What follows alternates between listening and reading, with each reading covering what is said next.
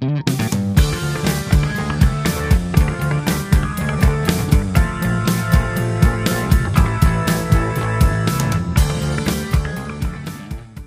merhaba. Finifugal Süce'ye hoş geldiniz. Ben Göksun Aplı. Ben İrem Bozdağ. E, deprem felaketinden sonra yayınladığımız ilk bölüm oluyor bu. Çünkü e, kaydetme ve bölümlerimizi yayınlama süreçlerimize kendimizce bir süre ara vermek istedik. E, çünkü yaşanan felaketten dolayı mutsuzluğumuz e, herkes gibi aşırı şekilde arttı. Hı hı. E, yaptığımız bazı şeyleri ara vermiş olduk bu travmatik olaylara bağlı olarak. Ama şuna da canım sıkıldı İrem. Bunu da ilave etmek istiyordum. İlk hafta ya da ilk 10 gün insanların aşırı özenli tutumunun yerini daha sonra işte e, birden her şey günlük güneşlik, her şey sanki normalmiş gibi bir acayip hava aldı ya. Hı hı. Ya bu bence rahatsız ediciydi. Ya bu kadar felaketin sonunda bile eğlenme potansiyelimize sadece bir hafta falan ara verebildik. Ya rahatsız eden kısmı e, insanların bir miktar gülmeye başlaması, sağda solda bir şeyler işte tüketim halinde olması ya da tekrar bir şeyler yapması meselesi değil. Onları yaparken bunların fazlaca ayan beyan yapılması durumu ve e, bazı aşırıya kaçan halleriydi diyeyim rahatsız eden kısmı. Yani e, bu aynı zamanda bir ülkede bu kadar felaketin sonunda kimsenin istifa etmemesi, hatta sorunları neredeyse deprem zedelerin işte halkın üzerine yıkma hali falan gerçekten çok ender görülecek bir başka trajik durum. Yani her şeyin bir hesabı olmasını, herkesin hesap vermesini istiyor insan böyle durumda. Artık gerçekten dediğim dedik ben ne diyorsam o bana sormadan nefes bile almayın minvalinde insanların da dünyanın hiçbir yerinde siyaset yapmamasını diliyor insan. Galiba bunun açısını en çok çeken ülkelerden biri olduk. Söylemek istediğim çokça şey var ama şimdilik e, konumuzdan biraz bahsetmek istiyorum. Zaten umutsuzluğa düşme meselesini kendimiz kendi ülkemizden de örneklendireceğiz. Değil evet, mi? evet, evet. Ee, çok da kafa şişirmeden hemen konuya giriş yapıp topu sona atayım. Bugün umutsuzluğu, boşluk hissini, e, üzerimizde yarattığı travmaları ve hatta arasındaki ilişkiyi, e, hatta bazen de umutsuzluğun e, üzerimizde yarattığı geri dönüş olmayan o kırılma anlarını konuşalım dedik. Ne diyorsun bu boşluk ve umutsuzluk meselesiyle ilgili? İlk sorumu sorarak başlayayım. Ee, insan e, bilerek mutsuzluğa düşer mi mesela? Yani konu tabii çok her zamanki gibi derin. Ee, bir taraftan da hepimizin aslında gerçekten son zamanlarda çok aşina olduğu ve hepimizin aslında toplu olarak hissettiği bir duygu muhtemelen. Ee, insan bilerek umutsuzluğa düşer mi? Henüz emin değilim. Yine belki konuşurken seninle konuşmamızın içinde de kararım değişebilir. Ama e, ben biraz sonucu gibi görüyorum bu olayı ve kasıtlı olarak insan kendini umutsuzluğa sürükler mi? Belki sürükler ama zaten aslında yaşadığımız dünyada kasıtlı olarak yapmamıza gerek kalmadan o kadar çok bizi buna sürükleyecek etken var ki gerek yok yani hep birlikte topluca umutsuzluğa düşebiliyoruz. Yani depremle ilgili söylediğin şeylerin hepsine katılmakla beraber ben de çok uzatmak istemiyorum çünkü 100 günde konuşsak bitmeyecek bir mevzu. Ee, sadece burada denilebilecek belki de tek şey bir şeyleri göz göre göre e, yapmak var. Bir de gerçekten doğal akışında gerçekleştiği için elinden hiçbir şey gelememek var. Muhtemelen bizimki ilk, ilk duruma giriyor. Tekrar konuya dönecek olursam. Bu umutsuzlukla alakalı ilk konuya karar verdiğimizden beri düşünüyorum ve aslında şeyi fark ediyorum. Hani umutsuzluk kelimesini e, günlük hayatımda ne kadar çok kullanıyorum, nasıl hissederek bunu söylüyorum diye düşündüğüm zaman şeyden emin olamadım. Peki umuttan ne anlıyorum ki bunun aksini hissettiğimi iddia edebiliyorum. Ee, ona baktığım zaman da aslında umut kelimesinin bir duygu mu ya işte bir duygu mu belirtiyor yoksa bir durum mu bu yoksa her şeyin ötesinde bir şey, bir kişinin umutlu hissetmesi tırnak içinde e, bir alışkanlık mıdır yoksa işte günlük hayatta değişen bir e, ruh hali midir diye düşündüm ve aslında şuna vardım. Bu sadece bir duygu denemez çünkü aslında bir insanın tüm hayatındaki yaşadığı şeylerin sonucunda e, zaman zaman hissettiği bir bütünlük gibi. Yani hani siz bir şeyle alakalı geçmişinizden beri bir rahatsızlık duyuyorsunuz ya da bir sorununuz vardır, çözemediğiniz bir şey vardır. Bunun sonunda bir umutsuzluğa kapılabilirsiniz veya hayat size işte oyun oynuyor gibi gelebilir. Ya tam tersi tüm sorunlara rağmen hala siz kendi halinizi, kendi ruh halinizi stabil olarak koruyor olabilirsiniz. Ee, ve benim hani kendimle alakalı vardığım noktada da aslında umut bence böyle işte zaman zaman değişebilen bir şey de olsa umut veya umutsuzluk kavramlarını çoğu zaman e, kişinin karakterine entegre edilmiş halde buluyoruz bence. Yani evet e, şeye katılıyorum. Bunların hepsinin bir bütünlük sağladığına e, çok katılıyorum. E, ve aynı zamanda dediğin gibi hem de ben az önce bir kırılma anı diye tarif ettim bu umutsuzluğa düşme cesareti meselesini. Ama kırılma anlarından da ziyade boşluk hissini biraz daha fazla üzerinde durdum galiba ve e, hemen herkesin yaşadığını biliyoruz. E, yaşadın mı yakın zamanda böyle bir boşluk hissi? Ya sanırım yaşadım çünkü e, hiç kimse bir gününü ya da işte en azından bir haftasını e, full böyle işte duraksız bir şekilde e, kendini kaptırarak ve yaptığı stabil, evet, stabil evet, hayatında evet. her şey sanki mükemmel gidiyormuş gibi yaşayamaz. Hatta ben çoğu zaman insanların o an hangi ruh halinde olduklarını düşünmeden yaşayacak kadar telaşlı olduklarını düşünüyorum ama yine de insan olduğumuz için yani bir makine olmadığımız için ara sıra hata veriyor beynimiz. Çünkü bir şeyler hissediyoruz yani durmadan her ne kadar büyük koşturmanın içinde de olsak. Dolayısıyla evet ben yaşamışımdır muhtemelen. Ama böyle çok yoğun bir şey mi? Hayır çok yoğun bir şey yaşamadım. Büyük çapta bir şey. Yani evet işte bu e, boşluğa düşmek de sanki e, dediğin gibi çok böyle stabil bir şeyde sürdüremiyoruz. Bu bir çizgide sürdüremiyoruz ve bazen e, bilinçli şekilde yapılabiliyor gibi düşünüyorum. E, bilmiyorum sen ne diyorsun? Mümkün mü böyle bir şey? Aslında mümkün sayılabileceğini düşünüyorum ben. Yani soruyu sana sorarken kafamdan cevaplıyorum ve e, hayattan sıkılıp boşluğa düşebilirsin mesela. Olabilir. E, ilişkini sonlandırıp boşluğa düşebilirsin. E, bu yaşadıklarım beni çok yordu deyip yine bilinçli şekilde kendini boşluğa bırakabilirsin ve e, hepsini bilinçli olarak yapabilirsin. E, ama umutsuzluğa düşmek e, o kadar farklı ki yani bunu bir göze almamız gerekiyor diye anlıyorum. Her zaman değil elbette ama bunun bir göze alınması e, durumu söz konusu oluyor ve sanki bir noktada cesaret isteyen bir şeymiş gibi geliyor insana. Bu e, Revolutionary Road filmi de beni bu anlamda bayağı etkiledi. E, orada diyor ki, e, Türkçesi bu arada hayallerin peşindeydi sanırım. E, orada e, çoğu insan boşluğun farkındadır ama umutsuzluğu görmek gerçekten cesaret ister diyor. Kate Winslet'in kardeşini oynayan e, şeydeki karakterdeki kişi. Yani nedenleri kendimce düşündüm. Konuya da nasıl çalışsam diye düşündüm. Çünkü e, garip bir başlığın üzerine gidiyormuşuz gibi geliyor bana. Hı hı. E, ama bir noktada çalışırken de kendi düşüncelerimi dinlemeye çalıştım. Kendi umutsuzluğa düştüğüm bir meseleyi canlandırmaya çalıştım diyeyim kafamda. Yani e, mesela umutsuz bir meselenin üzerine gitmek kesinlikle bir boşluk hissi gibi değil. Ama arada bir bağ kuracak olursak e, boşluk dediğimiz şey umutsuzluğun ya da o direnci yitirmenin bana çok çok hafifletilmiş hali gibi geldi. Ya ben böyle hissettim. Çünkü boşluğun derinliğini hissetmek gerçekten zaman alan bir şeye dönüşebiliyor. Ee, mesela hiç umut olmadığı halde ya da umudunun tükendiğini düşündüğün anda e, sonunda vardığın noktada umutsuzluğa çakılacak çakılacağını bile bile o şeyden bir umut bekleyerek yaşamak hala o şeyin üzerine gidebilmek normal bir bilinç işi gibi gelmiyor bana.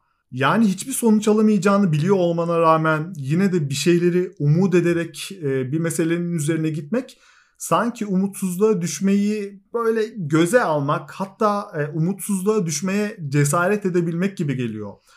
Sonunda yüzüne çarpacak o gerçekle yüzleşmek yani düşünsene belki de e, sonsuz bir boşluk yaratıyorsun. Belki de bile bile geri dönüşü olmayan bir umutsuzluk silsilesi falan başlatıyorsun. Yani öyle işte bu arada e, umutsuzluk kötüdür bu deneyimi e, yaşamamalıyız ya da ondan kaçmalıyız gibi bir şey de demiyorum. E, umudun olduğu gibi e, umutsuzluğun da hayatımızdaki yerini algılamamız gerekiyor bir yandan. Yani biraz uzattım ama bunlarla yaşamayı öğrendiğinde e, mutsuzluğa karşı da belki e, hoşgörülü olmamız gerektiğini anladığımızda daha rahat yaşayabiliyoruz diye düşünüyorum. Yani şöyle senin anlattığından şunu çıkartıyorum sanırım. Ee, sen diyorsun ki bir şeyler deneriz onların sonucu bir yere varır veya varmaz ve biz o yani o kötü olacak ihtimali de göz önünde bulundurarak sonu kötü de bitecek olsa buna atılmaya var mıyız? Yani Ya, sonucun, yani evet. aynen sonucunda kötü bitecek bir şey bile olsa biz onu içine girecek miyiz? O büyük hatta belki Tabii, yıkıcı tabii. yıkıcı hissi yaşayacak mıyız? Bu evet bu bir tarafı bu işin. Ee, ki zaten aslında umutsuzluk her zaman e, bir sürü şeyin sonucunda bizim vardığımız nokta gibi oluyor. Ama bir taraftan da çok aslında gelecekle alakalı bir şey. Yani e, umudun var mı ya da bir şeylere karşı bir hevesin var mı? Belki de bu iki kelimeyi yan yana kullanabiliriz. E, bunun sonucunda aslında sen gelecekle ilgili bir tasarıda bulunuyorsun ve tasarladığın şeyin iyi veya kötü bitme ihtimalleri var tabii ki. Ama mesela hep umutsuzlukla alakalı kelimeleri düşüneceğimiz zaman şey geliyor kafama. Her zaman tırnak içinde ve asla. Yani mesela işte her zaman bu hayat böyle kötü geçecek. Asla hayatım yolunda gitmeyecek. Ya da bunu daha spesifikleştireceksek asla bir evim olmayacak kadar böyle basit maddi bir şey de indirgeyebiliriz. Yani aslında genel anlamda sen bir şeylerin çok e, uzun vadeli ve kesin sonuçları olduğuna inanıyorsun. Dolayısıyla da e, bir şekilde kendini sürekli demotive ediyorsun.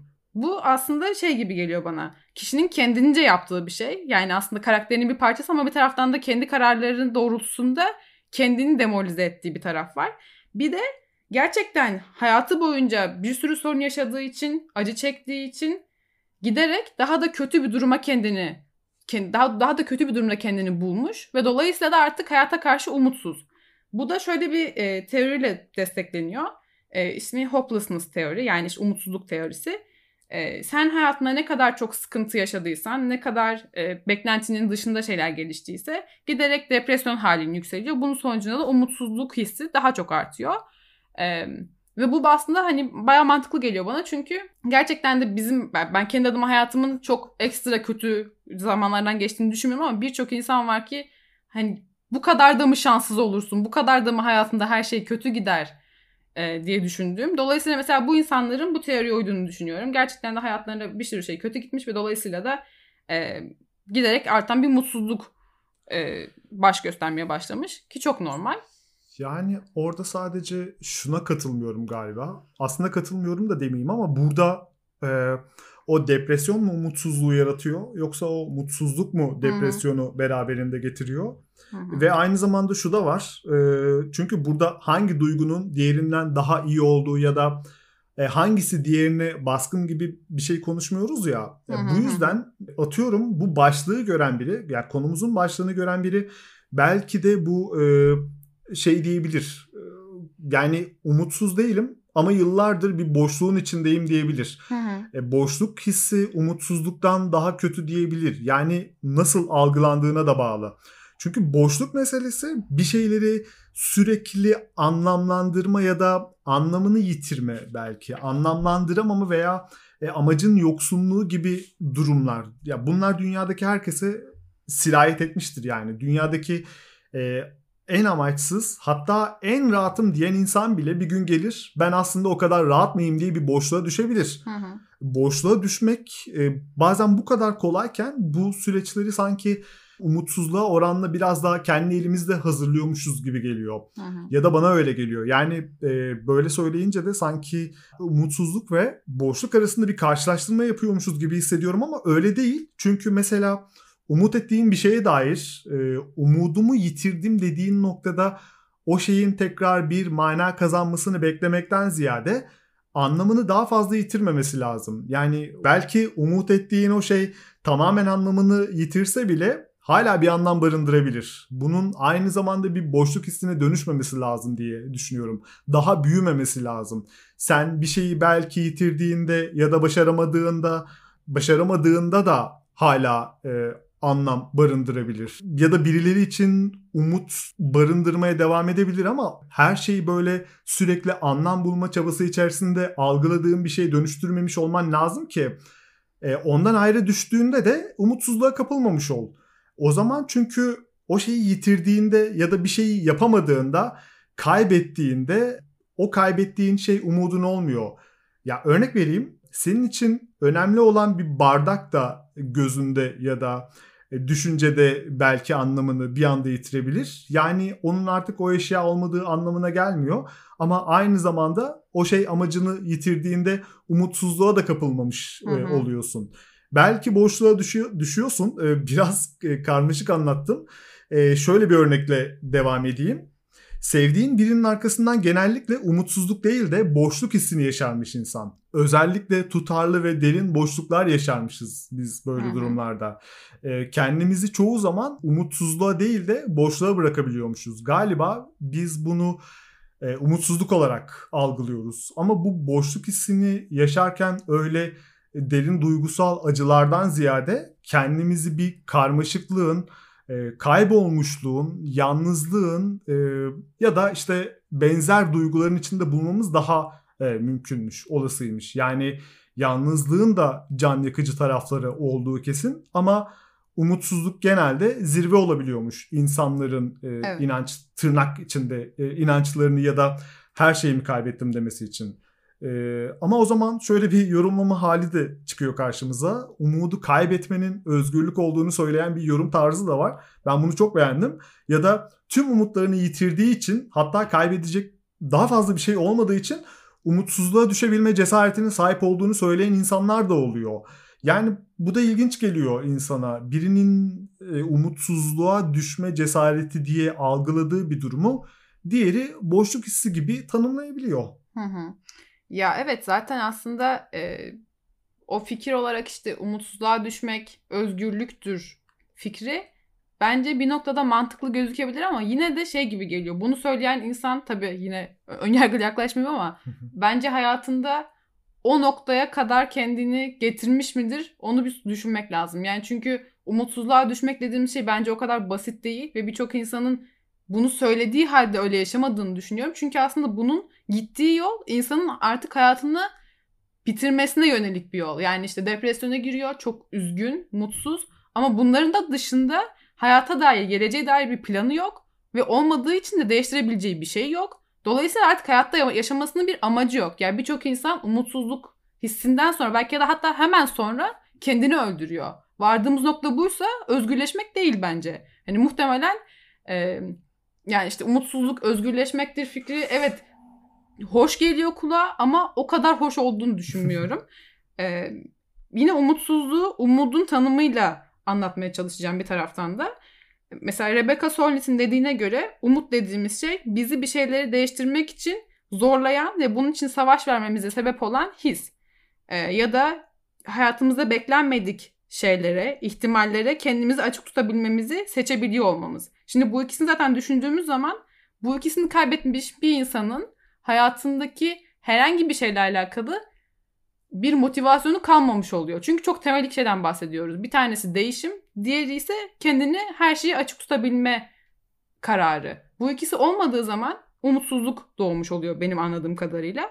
Ve bu ikisini hayattan çektiğimizde zaten her şey o kadar anlamsızlaşmış ki e, o karşıdaki kişinin artık gerçekten kaybedecek bir şey yok. Kendisinden başka belki. Dolayısıyla da aslında bana biraz hani vardığı nokta bir duygudan, bir durumdan ziyade artık hani hayattan vazgeçmekmiş gibi geliyor. Yani mümkün çünkü insanların da kişiden kişiye göre değişen bir umutsuzluk renci olduğunu düşünürsek e, öyledir. Çünkü benim için çok hafif ya da orta düzeyde geçen bir şeyin seni hayattan koparma ihtimali var. Hı hı. Ama bu az önce verdiğin Rebecca Solms örneği işte insanın umutlarını korumak için iki ana motivasyon kaynağından işte değişim ve kendini her şeyi açık tutabilme hali beni biraz şaşırttı.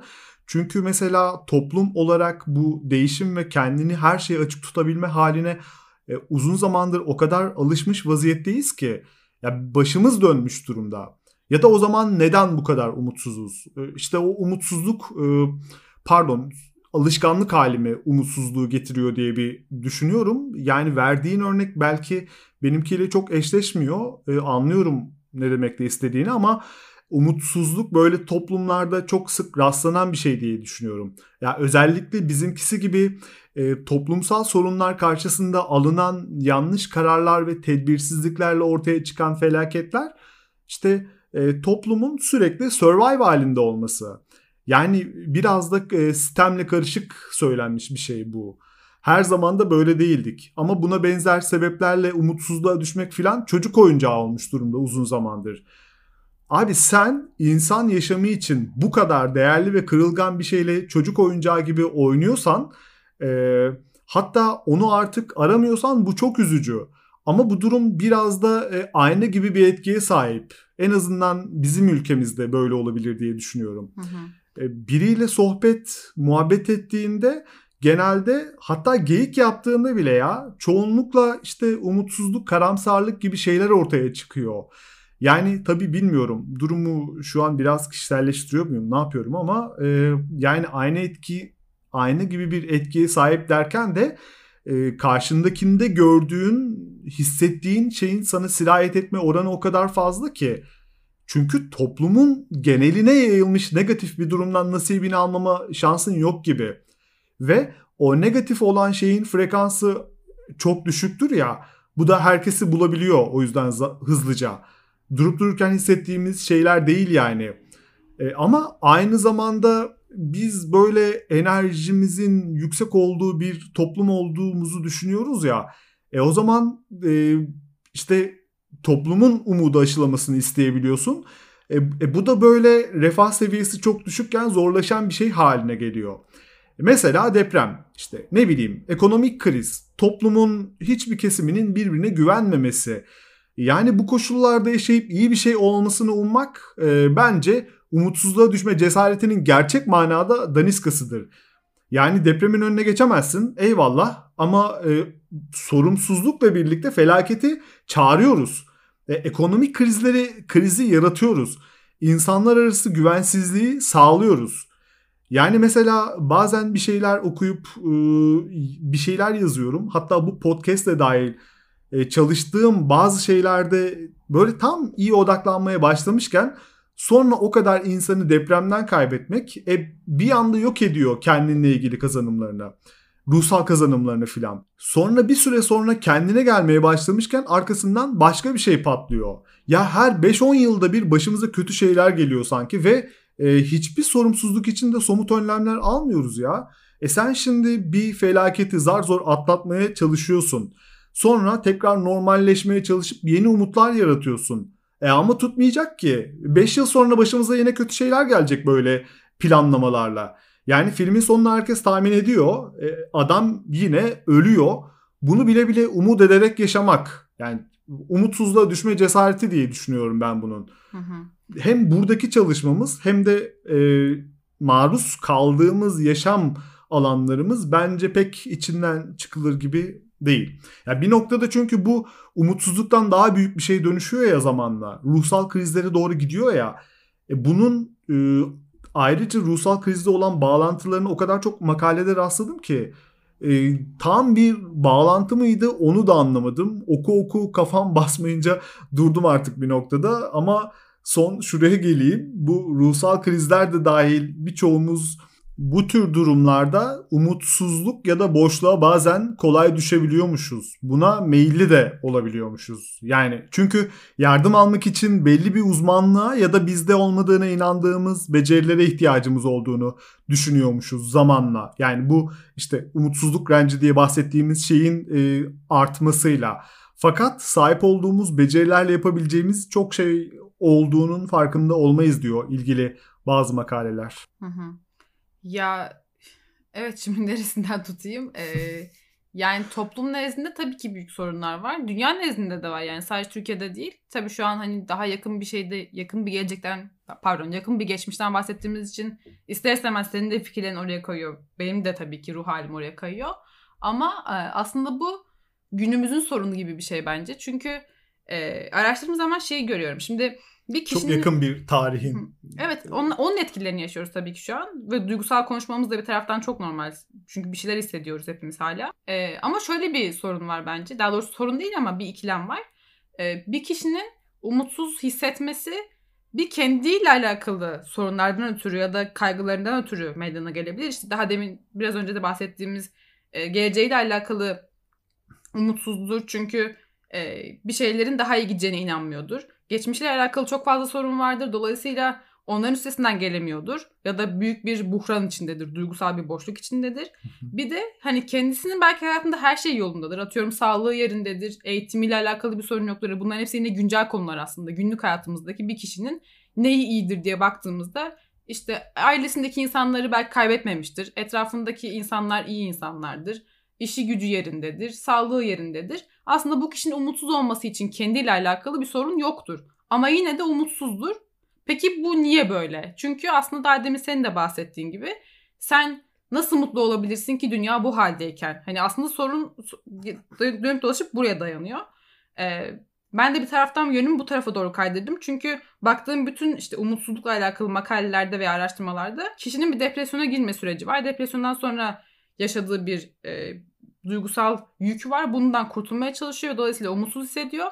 Ama bir taraftan da bunların hiçbiri olmadığı halde toplumun ya bizim toplumumuzun veya genel olarak dünyadaki birçok insanın yaşadığı bir sorun var ki o da şu işte tamam ben iyiyim, hoşum, tek başıma iyiyim ama bu dünya o kadar kötü bir halde ki ben nasıl umutlu hissedeyim? Ki çok normal. Hepimiz aslında bunu mutlaka söylüyoruz.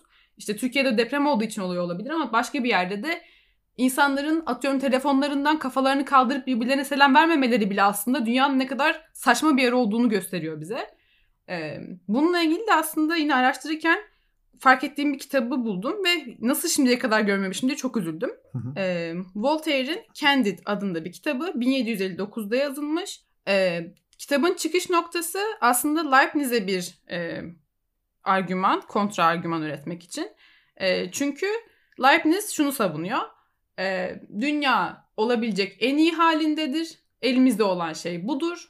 İyilikle, güzellikle süsleyelim. Ama yine de dünya en iyi halindedir. Ama Voltaire diyor ki sen deli misin? Hani aslında adamı dediği bu hani özet olarak benim söyleyeceğim. E, çünkü dünya en iyi halindeyse başka dünyaların daha iyi halleri kim bilir nelerdir. Yani bu mu en iyi hali? Böyle bir şey mümkün değil. Saçmalıyorsun diyor aslında.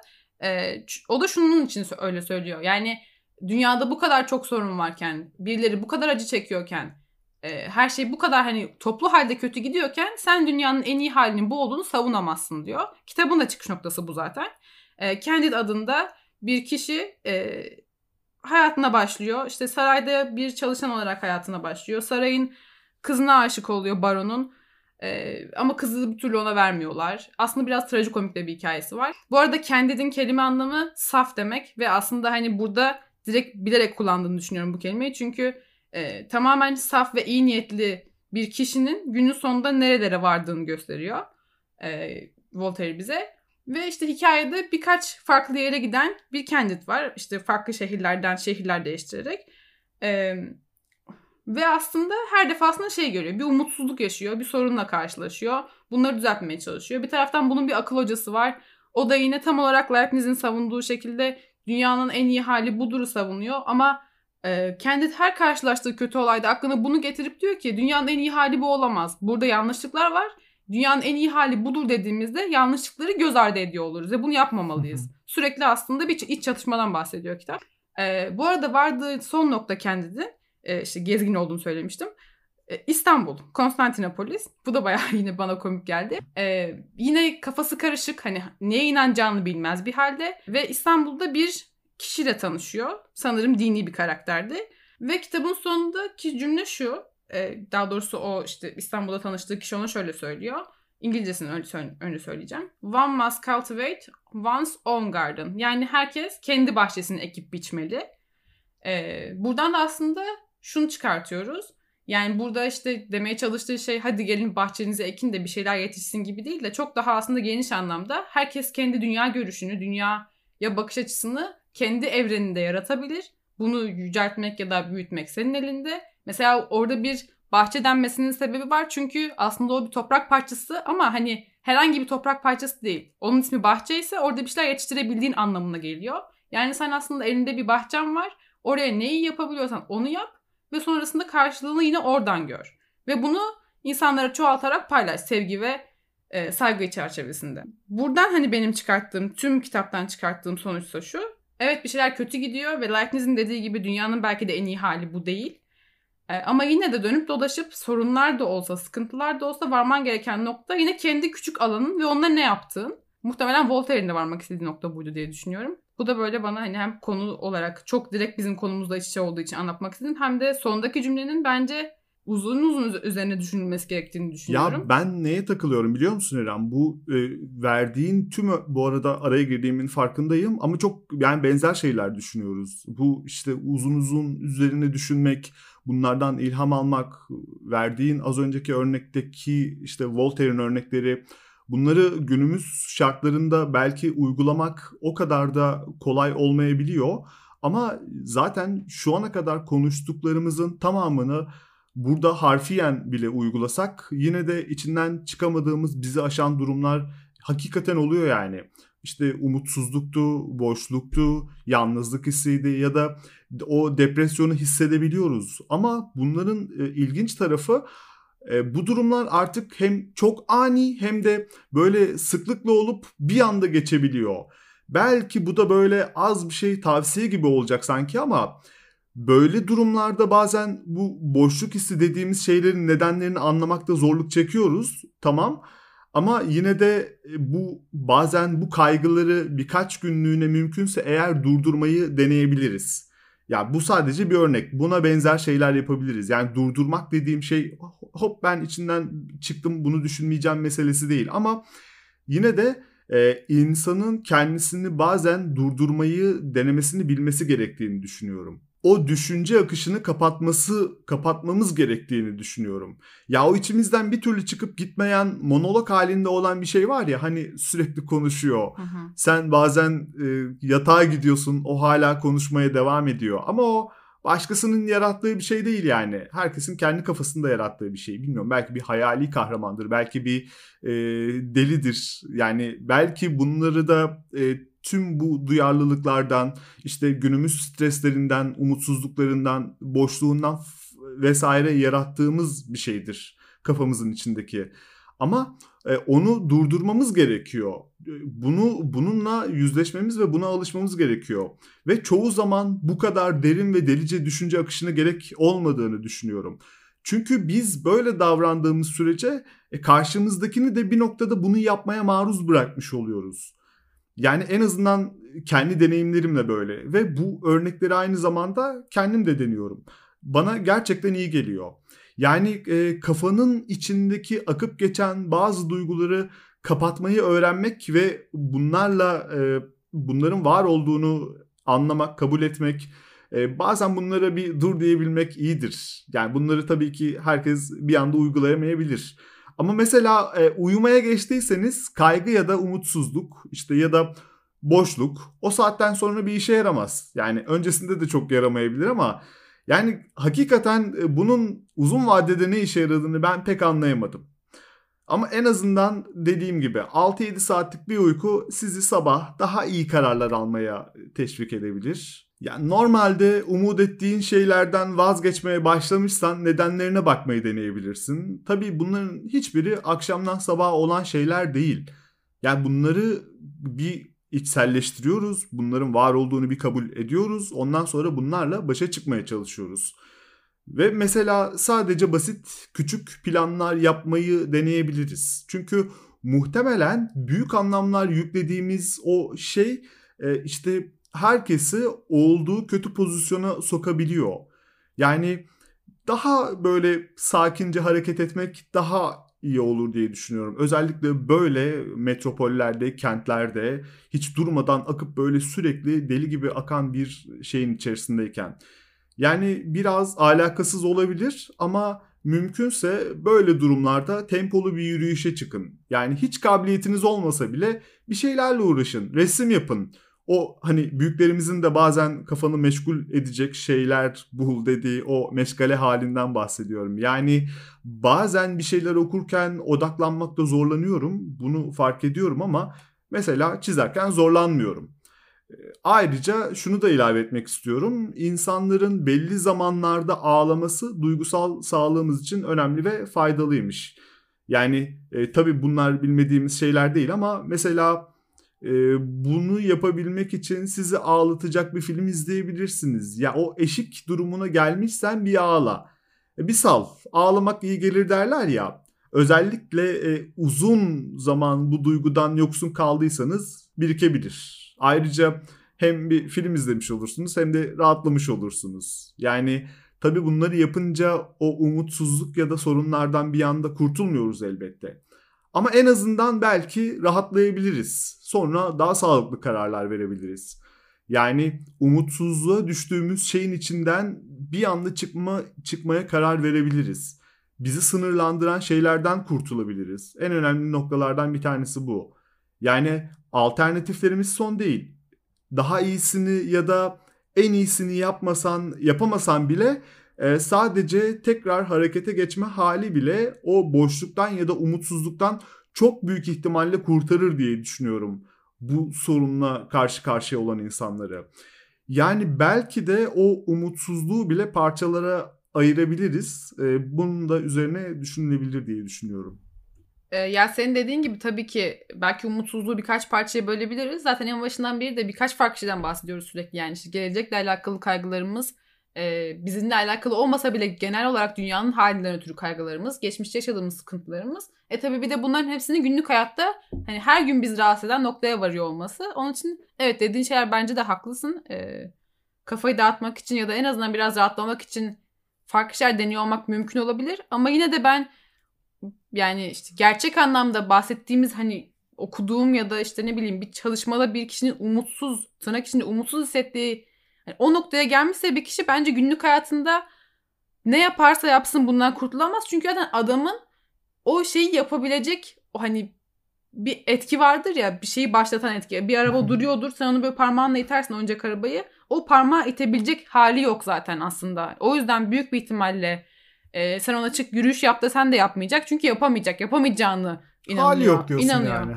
Yani hali yok ama hani kötü anlamda hali yok. Çünkü adam mutsuz yani. Yok tamam daha darlamayalım adamı. Ee, burada yine şey gibi geldi senin anlattıklarından da sonra. E, kitapta bir tane daha cümle vardı bir alıntı yapmak istediğim ve e, yine Voltaire'in kitabında e, birçoğumuzun da bence böyle hissettiğini düşünüyorum. Ya tabii bu kadar ağır değildir belki ama adam diyor ki e, yüz kez kendimi öldürmek istedim ama hayatı seviyordum. Bu gülünç zayıflık belki en bahtsız eğilimlerimizden biridir. Çünkü sürekli yere atmak istediğimiz bir yükü ara vermeden taşımayı istemek kadar aptalca bir şey var mı? Yani aslında e, yine burada kastettiği hayatımızın bize bir noktadan sonra yük gibi geliyor oluşu ve bizim bu yükü bir şekilde işte ölene kadar taşımayı kabul ediyoruz aslında her gün uyanarak veya kendimizi öldürmüyorsak. Ee, yani kabul etmek ve bunun üstesinden gelebilmekten bahsettiğini düşünüyorum evet, aslında. yani ondan başka yapabilecek bir şeyimiz yok çünkü işte Bununla hala yaşamaktan yani. ya evet tabii canım öyle zaten ama işte yine de e, bunun gerçekten sözlerden daha dışarıda böyle daha öz bir anlamı varsa ve birileri onu yaşıyorsa bence kimse hani o onu yaşayan insanların e, tüm bu bağlamlardan farklı bir noktada olduğunu düşünüyorum. Ama onun dışında da hani o insanları dışarıda tutacak olursak bizim gibi günlük hayatta bunu kullanan ya da işte gerçekten hayatıyla alakalı veya dış dünya ile alakalı sorunlar yaşayan insanların yine de hala bir şekilde direnmeye veya devam etmeye çalışıyor olmasının asıl sebebi hayatı seviyor olmamız.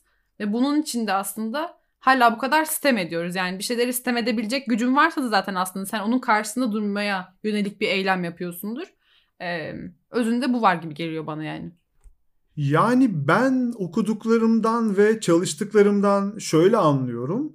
E, bizi bir durumun algılanan umutsuzluğundan kurtaracak o güce, o ruha ya da o psikolojiye hepimiz sahip değiliz, e, olamıyoruzdur. Yani belki çok önemli bir şey değildir yani abartacak bir şey yoktur ama belki de insan umutsuzluğun ne olduğunu gördüğünde e, umutsuzluğa düşme cesaretine sahip oluyor sanırım. Yani belki de risk budur diyoruzdur bir noktada.